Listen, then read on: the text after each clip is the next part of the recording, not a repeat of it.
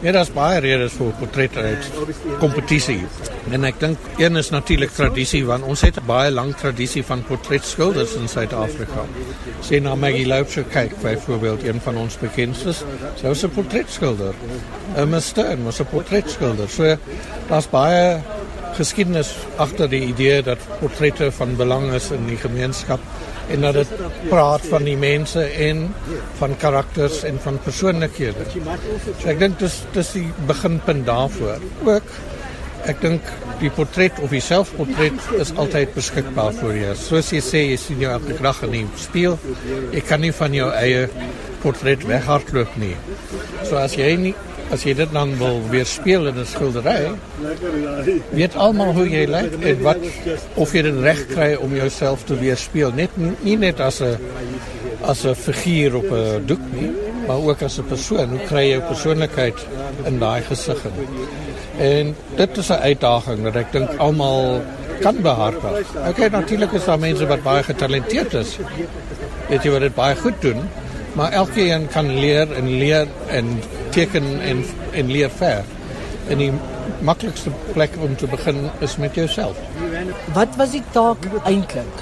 Waarna het die beoordelaars gekyk? Okay, oorhoofs dink ek die vereistes vir die inskrywings en wat wat wat verwag word is dat die portret van 'n persoon is. Okay, en van 'n persoon wat jy ken. En wie ten minste een keer vir jou gesit het en jy het hulle geskilder.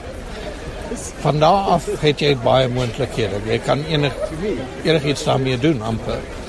So ek dink tradisioneel soos jy sien op die uitstalling het baie mense die tradisionele skouer en kop en skouer voor portrette gedoen, maar daar was ook ander. Daar was nude, daar was was baie interessante perspektiewe, mense wat geleed of gesit het en so aan. Daar selfs groepportrette. So ek dink wat gebeur is as met die beoordelaars kry ons drie onafhanklike beoordelaars.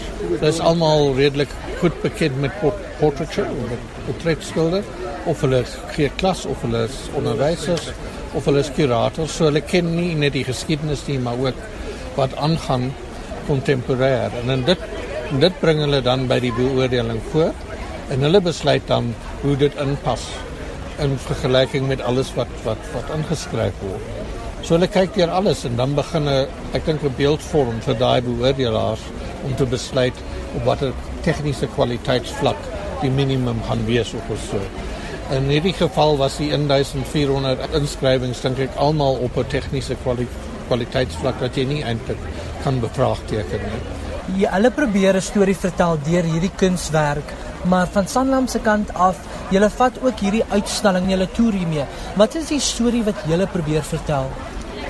Ek dink daar's twee of drie stories eintlik. Om te sê kyk ons ons besigheid is met individue en die portret is so te sê die voorbeeldige individu wie ons te doen het.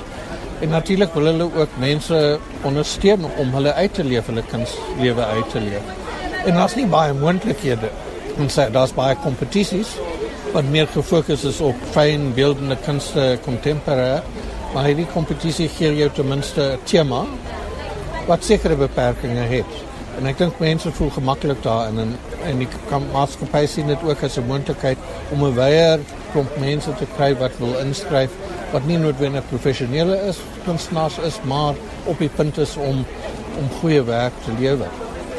Die ander storie is en hooplik sal dit ook uitbrei oor wyeer as Suid-Afrika dat dit die portret tot 'n sekere mate hooplik ook uitbeeld wat ons as 'n volk is, wat 'n land is en wat verskillende perspektiewe is. En ek dink dit dit gee 'n kans vir mense vir mense om hulle uit te spreek daaroor oor hulle self en oor hoe hulle hulle mense langsam hulle. Ons het baie interessante portrette gekry van wat voorheen ek sou sê 10 of 20 jaar nie baie waarskynlik sou gewees het van swart kunstenaars. Baie baie meer ingeskryf. So ek dink dit het ook te doen dat dit gee die menslik mense die moontlikheid om hulle identiteit uit te spreek as individue in 'n land saam met ander. Watter werk staan vir jou veral uit? Ek dink die Venno werk staan uit. Ek dink dit is 'n provocative stuk in terme van hoe dit geskilder is. en die tema hoe dit benader is. So ek dink baie mense wonder hoekom het hulle dit gevra. Ek weet nie presies self nie. Ek was nie 'n beoordelaar nie, so ek het nie gehoor wat die argumente was nie. So daai werk dink ek is is 'n goeie wenner. Ek dink die tekeninge veral wat in die wat in op hierdie uitstalling is is baie interessant. Daar's paar wat regtig kragtig is.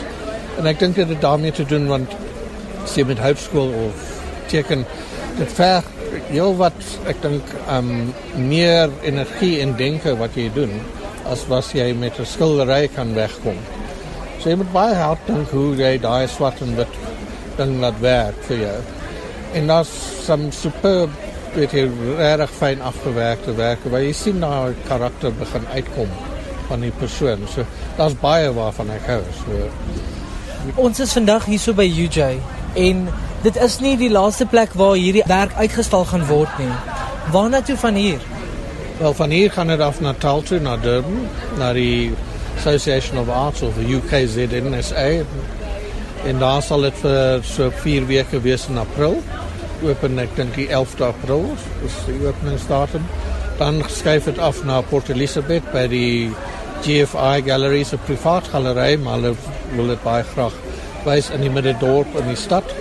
Van daar af gaan dit dan op na Bloemfontein toe vir die uitstalling by die Vrystaat Kunstefees by die universiteit en dan gaan dit af Nysna toe want ons het goeie verteenwoordiging van Nysna en George.